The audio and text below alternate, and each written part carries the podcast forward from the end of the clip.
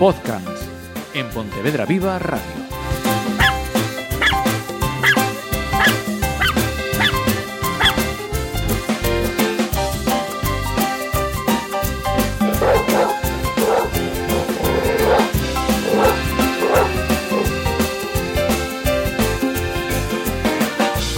Hola, ¿qué tal? Estamos, si nos escucháis en streaming, ya terminando el fin de semana, pero es domingo de podcast. Así que vamos a saludar a la principal, entre comillas, pata de este programa, que es Diego Álvarez. Muy buenas. Educador canino de estos eh, programas, de estos eh, podcasts. y hoy atentos a todos aquellos eh, como siempre, no solo que tenéis mascotas, sino también pues que tenéis también pequeños en la casa, porque Diego, eh, este programa lo vas a centrar en niños y, perros, ¿no? Exactamente, no se sabe cuál está más loco de, ellos. así así para, para mm, introducir y desde el desconocimiento, ¿es una combinación recomendable, factible, viable, idónea, mm, delicada? Eh, bien hecha, desde luego es idónea. Que un, que un niño se, se críe con un, con un, perro, con un gato, con animales y empiece una concienciación de, de, de, lo que son los animales, de cómo tratarlos y, y que haya ese, ese, vínculo, esa relación, eh, para mí es fundamental. Mi, mi hijo se, se, crió con Bella y, y, vamos, es pasión el uno por el otro. eh, ¿cómo, ¿cómo, vamos a enfocar este programa? A ver, ¿cómo vamos eh, explicando? Esas, esas dos partes. Exacto. Bueno, lo primero de todo, eh, con tu permiso, eh, quería dedicar el programa de hoy a, a Duna, una, una perrita de, de, una de las personas más importantes de mi vida, y quería dedicar el programa a ella, que por desgracia nos dejó. Venga, pues eh, con ánimo, ¿eh? Que no... Vamos allá. vale. Lo primero de todo, y es algo en lo que hago hincapié, yo creo, en todos los programas, es el hecho de que cualquier trabajo con el perro se debe de, de hacer poco a poco, ¿vale? De menos estímulo a más estímulo lo habíamos comentado con temas como la llamada o así, no voy a, a trabajar la llamada directamente cuando un perro eh, tiene bastante instinto de caza y sale disparado detrás de un gato, porque no me va a hacer ni caso. Empezaré uh -huh. con estímulos bajos e iré subiendo poco a poco. Eh, nuevamente, otro de los factores fundamentales en los que hago muchísimo también hincapié, el estrés. Debemos de gestionar en todo momento eh, el estrés del perro en cualquier trabajo que estemos, que estemos haciendo, con señales de estrés primario o señales de estrés secundaria. Eh, nuevamente, me gusta el trabajo en positivo. Regañar al perro no tiene sentido y, lo único que hacemos es una inhibición de conducta, sin realmente hacer una, verdadera modificación en ella. Con lo cual yo descarto el, castigo. Eh, a la hora de, de, de trabajar en el tema niños-perros, nos podemos encontrar con dos situaciones. Una, que el niño ya esté en casa y introduzcamos un perro, o que el perro ya esté en casa y lo que haya es la llegada del niño. Nos vamos a centrar sobre todo en la segunda. La primera, entre comillas, como quien dice, es algo más sencilla, uh -huh. ¿vale? Sobre todo si el perro a lo mejor ya tuvo socialización con, con niños y tal. Entonces nos centraremos sobre todo en, en, en la segunda. Eh, hay, podríamos decir, tres fases a la hora de trabajar. Una que sería antes de que el, de, de que el niño um, nazca, uh -huh. durante el nacimiento y la llegada de, de, del niño a casa independientemente de, de, que daré unas pautas muy importantes para la relación de, del niño con el, con el, con el perro. Uh -huh. Mucha gente se centra en, en, simplemente empezar a trabajar cuando ya, ya ha llegado el niño a casa y hay que, hay que trabajar ya previamente para que el perro se vaya acostumbrando a, a lo que viene. Aún es más, hay que tener en cuenta que muchos perros, yo a lo mejor hasta diría que todos, eh, incluso antes de que la, la madre se haga la prueba, probablemente el perro ya sepa que la madre está embarazada y hay, hay pruebas de ello y, y, y, gente que me lo comenta, me quedé embarazada, no lo sabía y buscaba continuamente en mi barriga y tal, entonces para el perro es un cambio, evidentemente a nivel hormonal la madre eh, sufre unos cambios y el perro a nivel olfativo lo va a notar sí o sí, ¿vale? Entonces es, uh -huh. es muy importante. Eh, Perdón, sí. te, te, iba a interrumpir, no sé si es vamos ya lancé, con, la, con la parte esa, que, que cómo hacemos eh, o qué debemos eh, hacer eh, antes de que, de que esa criatura llegue, llegue a casa y teniendo ya, ya el perro. Vale, lo primero y más importante, vamos a descartar cosas de, la antigüedad, como lo de llevar el pañal a la casa y enseñárselo al perro para que lo huela. ¿vale? Yo, desde mi punto de vista, presentar a mi hijo con olor a mierda, independientemente que a los perros les encante comerse la mierda humana, no lo veo lo más aconsejable. Entonces yo ese tipo de, de cosas las descartaría. Sí que hay formas de presentar el olor, pero las, las veremos ahora. Eh, una cosa fundamental es que si el tener el bebé va a implicar cambio de horarios, que va a implicar, progresivamente vayamos acostumbrando al perro a esos nuevos horarios. ¿vale? Eh, en todo momento lo que, lo que, lo que vais a, a oír decirme eh, es eh, que el perro asocia al niño con algo positivo, no con algo negativo.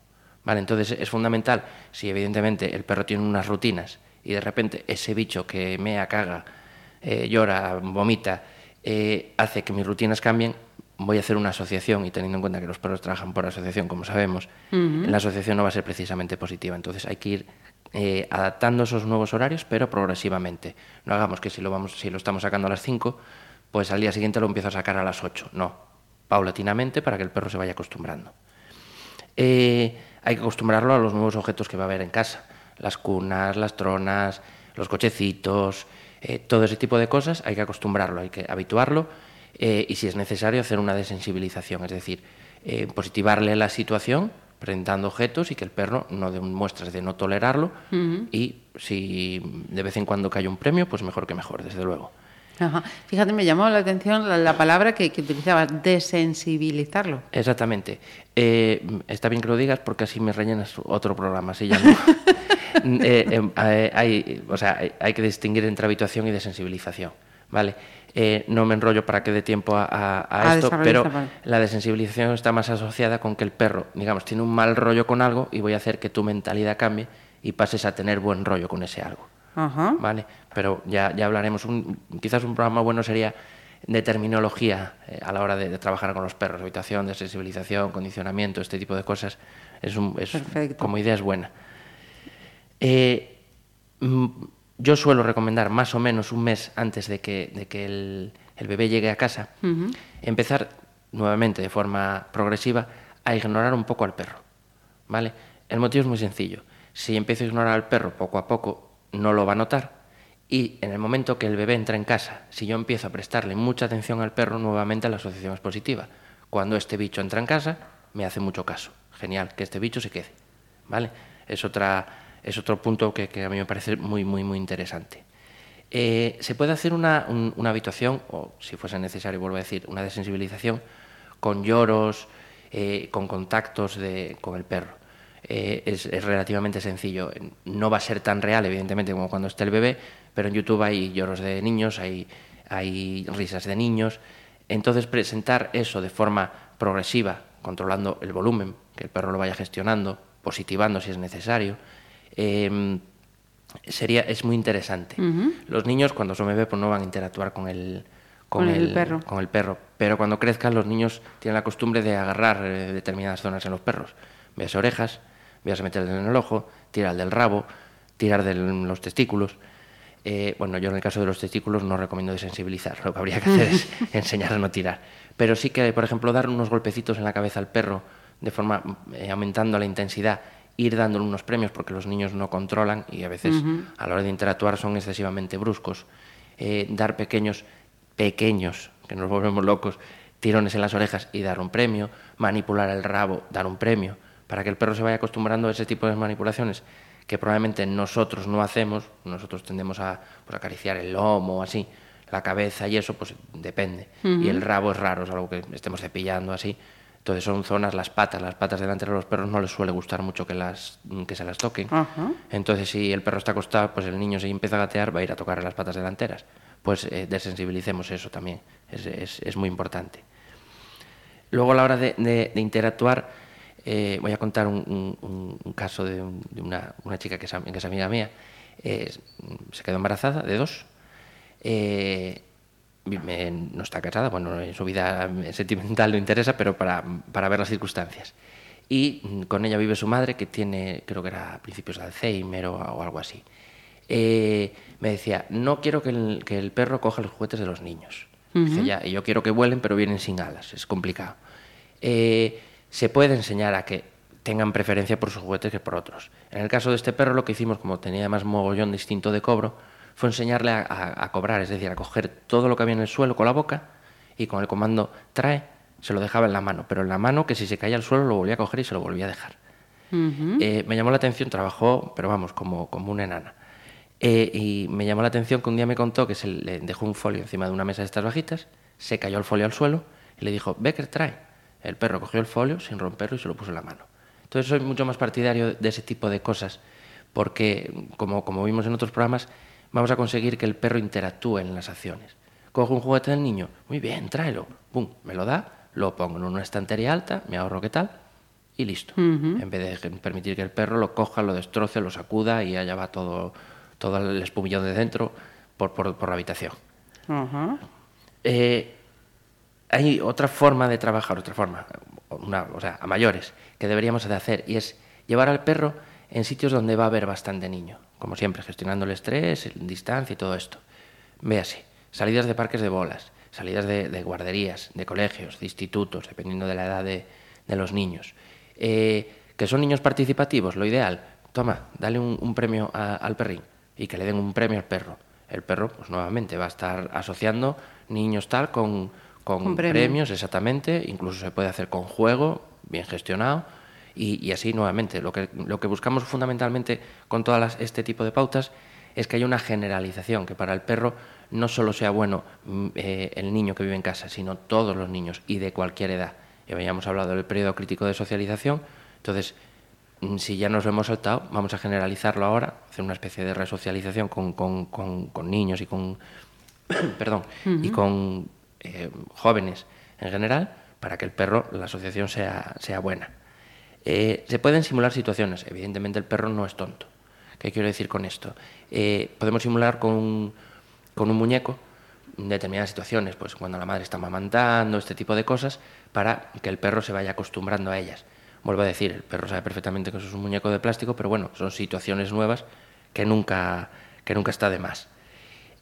Una cosa muy importante es el tono que, que vayamos a usar, eh, que ya hayamos usado con nuestro perro y que vayamos a usar con el niño, que tiende a ser el mismo, ¿vale? Tiende a ser el tono, eh, esto es la película de esta de- del bebé que hablaba, no me acuerdo cómo se titula, ese tono que ponemos... Mira de- quién habla. Eh, Exactamente, justo. Ese tono de... "Ay, ay, ay". A ver, mm, al perro no hace falta hablarle así, ni evidentemente el tono influye muchísimo en la, en la educación del perro y del niño, pero no les hablemos como si fueran tontos, no son tontos, ¿vale? O sea, yo si tengo que decir algo lo digo y puedo cambiar el tono por un tono más dulce o si tengo que exigir algo puedo poner un tono más grave que es más, más contundente. Entonces yo intentaría no usar ese tipo de tonos porque si está el perro acostumbrado a que le hablemos en ese tono, le hablamos al niño, el perro va a venir. Y luego al final la gente lo que acaba, hoy pesado el perro que viene a tocarme las narices cuando estoy interactuando con el niño. Entonces, precaución con, con los tonos. Eh, ¿Qué decir? Ya, ya haremos también algún programa sobre, sobre de- obediencia básica en, en los perros. Bueno, eso podrían ser 50 programas más que uno. Pero, pero mm, una buena obediencia básica en el perro es fundamental. eh, tanto el tema con niños como el tema de, de lo que sea. Eh, un error a ve- a veces que también se suele cometer es el, el hecho de que el, habi- el perro tenga un espacio, una habitación, una zona y tendamos a desplazar esa cama o ese comedero o ese bebedero para colocar una trona, para colocar una cuna o lo que sea. Si lo vamos a hacer, hagámoslo progresivo nuevamente, ¿vale? ¿Por qué? Porque si no la asociación es negativa. Este bicho hace que me quiten la cama de aquí. Entonces hay que tener precaución con eso. Eh, a nivel general, habrá eh, 40.000 pautas más y seguro que se nos ocurriría más. Antes del nacimiento yo es lo que suelo recomendar. ¿Vale? para, para eso, para que la asociación fundamentalmente sea positiva. Eh, Esta sería, digamos, eh, eh, la fase de, de las fases de- que estamos eh, abordando en este programa, la decisiva, fundamental. Con este trabajo, digamos, antes eh, tenemos el 75% del trabajo hecho o, o no. Pienso que, o sea, sí, o sea, es fundamental, esta fase es fundamental porque a partir de aquí los niveles de estrés van a ir incrementándose no solo en el perro, sino en, en los padres, que el niño no duerme, que el niño no come, con lo cual sí, cuanto más hagamos en, esta, en, este, en este periodo, mm, más aseguramos el éxito en, en los siguientes, independientemente de lo que comentábamos siempre, de perros que en el periodo crítico de socialización, si han ya estado con niños y han sido buenas las experiencias, va a haber un trabajo previo ya hecho, y si las experiencias han sido malas, pues nos va a costar bastante más, evidentemente. Perfecto. Pasamos entonces ahora al, al durante. Eh, exactamente.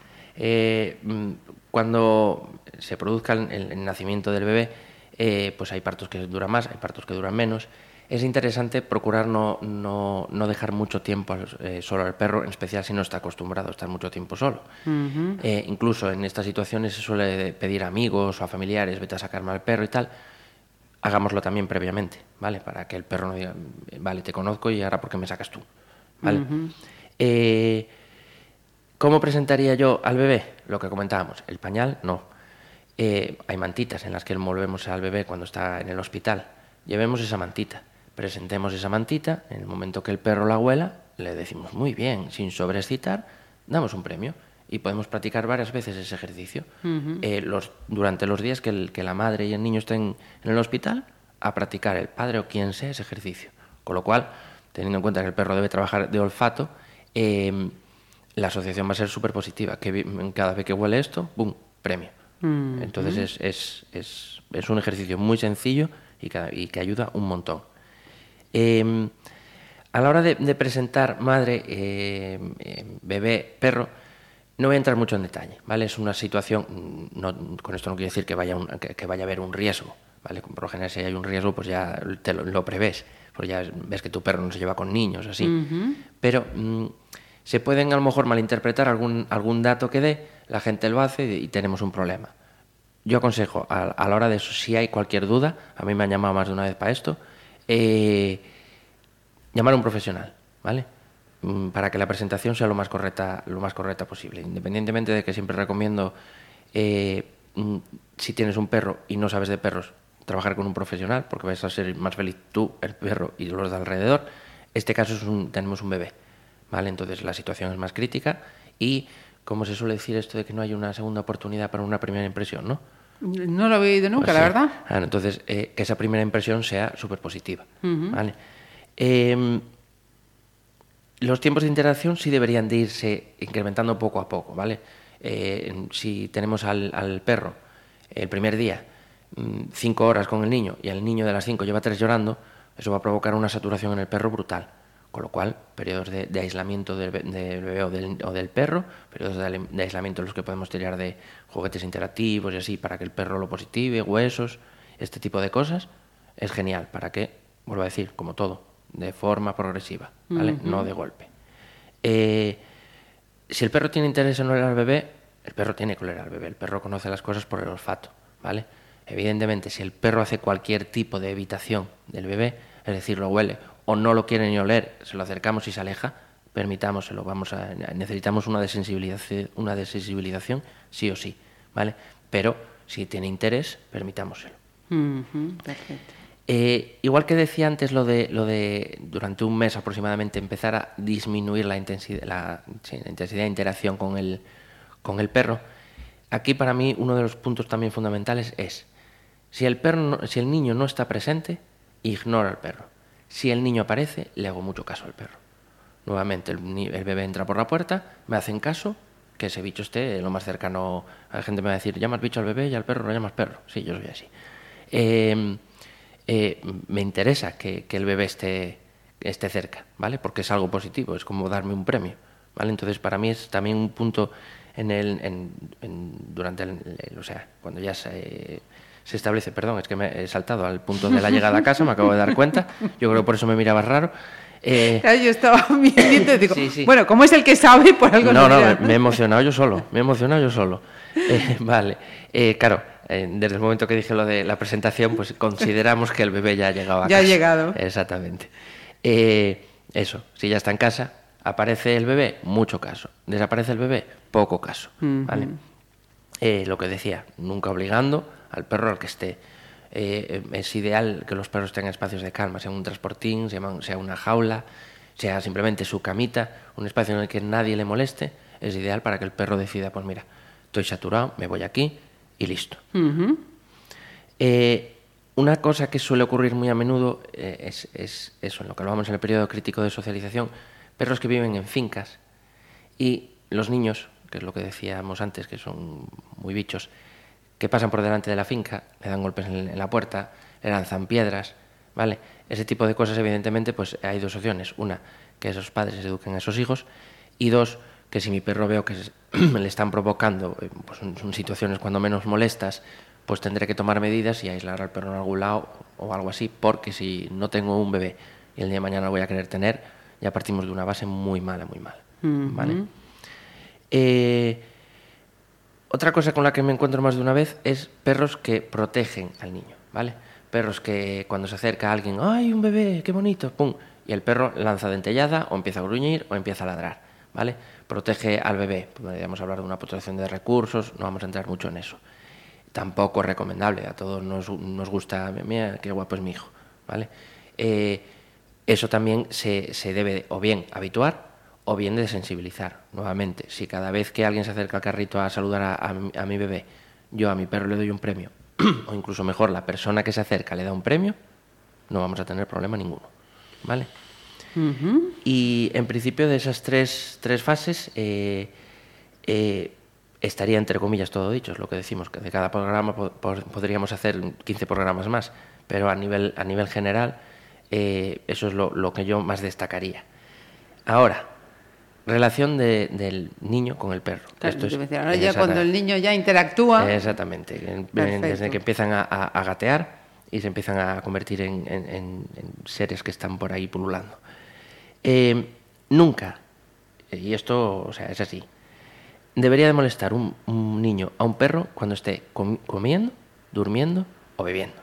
¿Vale? Pero, espera, pregunta, antes del desconocimiento, insisto siempre, eh, ¿el niño o, o, o, cualquier persona? En general, cualquier persona. Claro. ¿Qué pasa? Que eh, evidentemente un adulto pues tenderá más a, a, interpretar lo que le está diciendo un perro. Si un adulto se acerca a su perro que está comiendo y su perro le gruñe, va a interpretar eso. Un niño pequeño no lo va a interpretar. Y como habíamos visto en la escala de comunicación, lo siguiente que va a hacer el perro es morder. Uh -huh. ¿Vale? Evidentemente, si yo me acerco a mi, a, a mi perro que está comiendo y me gruñe, tengo un problema tengo que poner una solución, ¿vale? Pero si me muerde a mí, pues yo pues peso 75 kilos y tengo opción de defenderme. Defenderme no me refiero a dar una paliza al perro, que luego liamos las cosas, sino por lo menos mm, pararlo. Uh -huh. Un niño cuando está gateando no va a tener esa opción, ¿vale? Con lo cual hay que enseñárselo desde el principio, o incluso si el perro eh, lo lleva bien, aíslo a mi perro cuando esté com comiendo. Y vigilando, eso ya veréis el último punto, porque eso es fundamental, vigilando en todo el momento a, al bebé, sobre todo eso, están, si, si, están en la trona o así, pues no hay, no hay problema. Pero si no, hay que vigilar continuamente.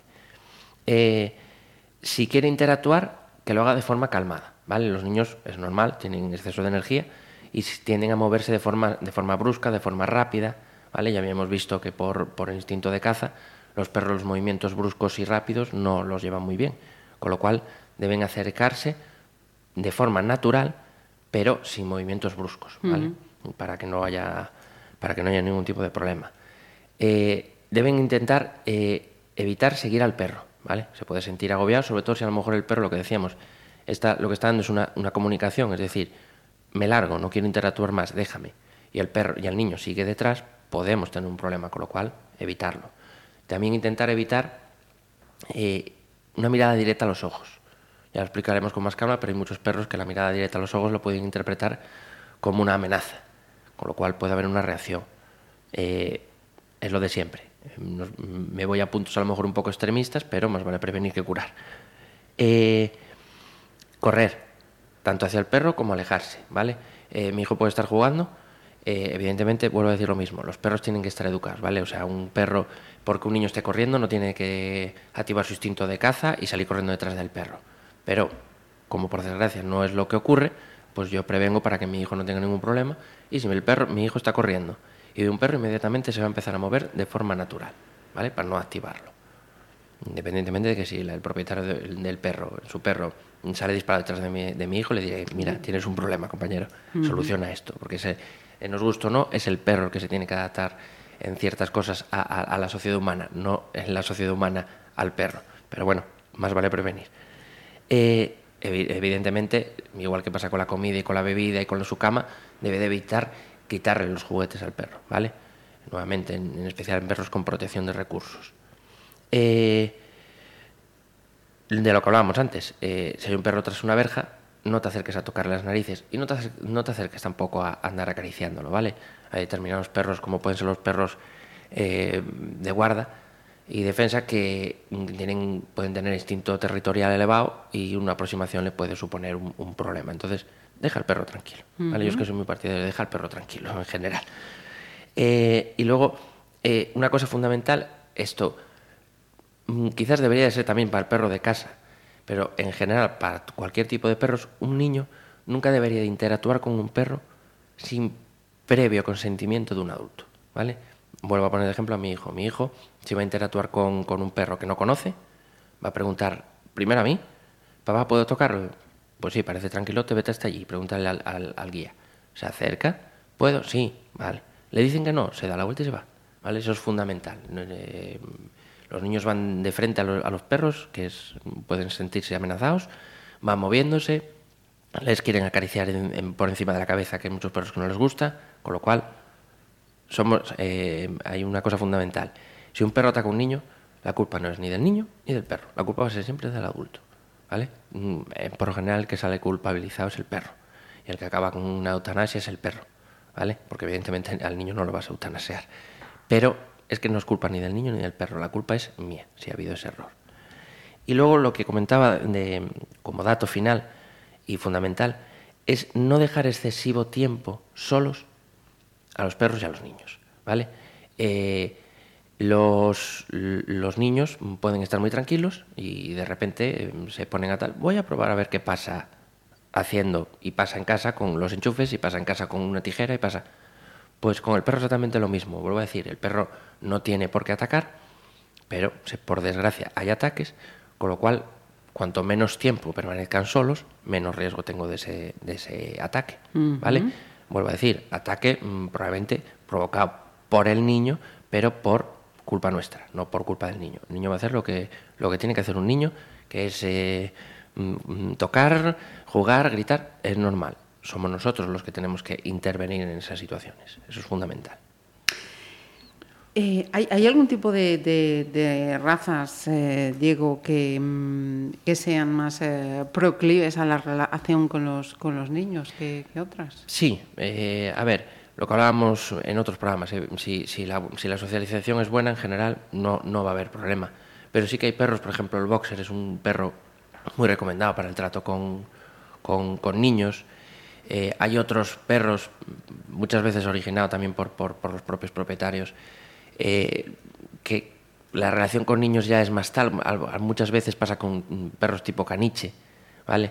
No estoy generalizando, ¿vale? Me van a llamar mañana la caniche asociación club y me van a querer partir las piernas. No, pero bueno, mucho viene, viene originado por la educación.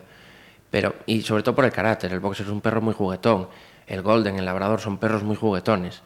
Ahora, ¿eso quiere decir que un boxer, un labrador un golden no va a morder un niño? No, para nada. Evidentemente es eso, periodo crítica de socialización y educación continuada en el perro.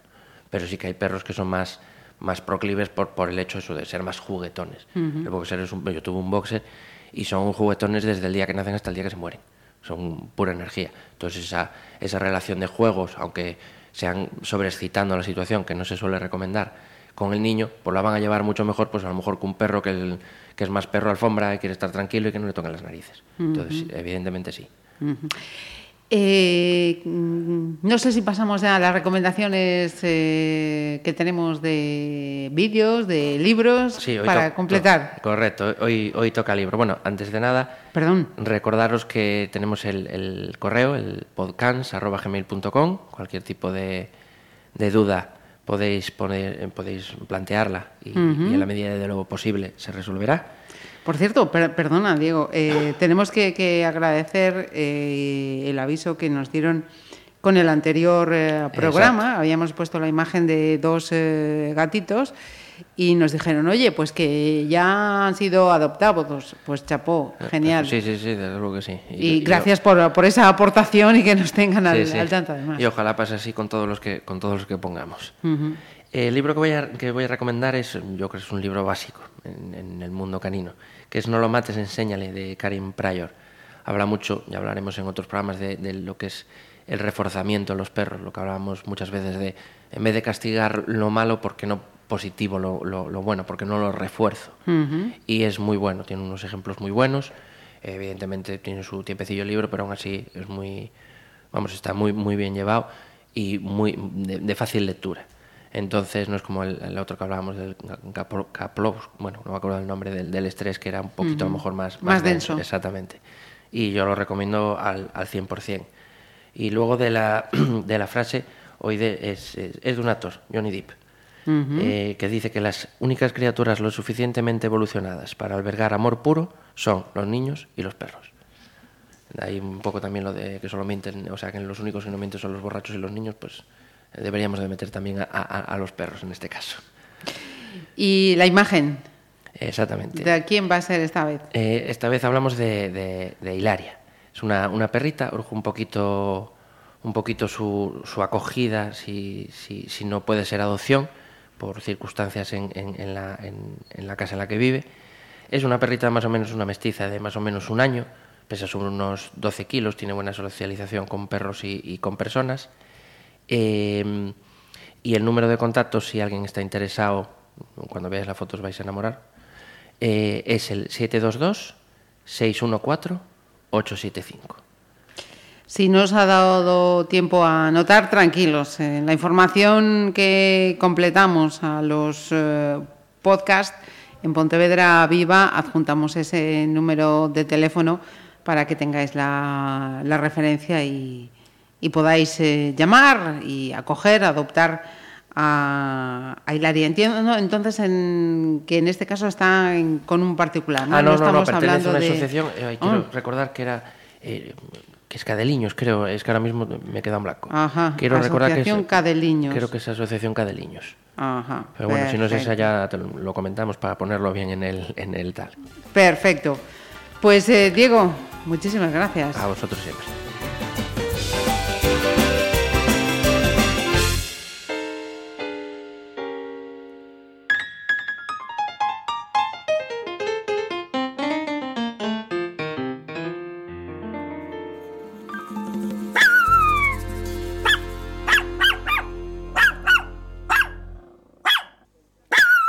Podcast en Pontevedra Viva Radio.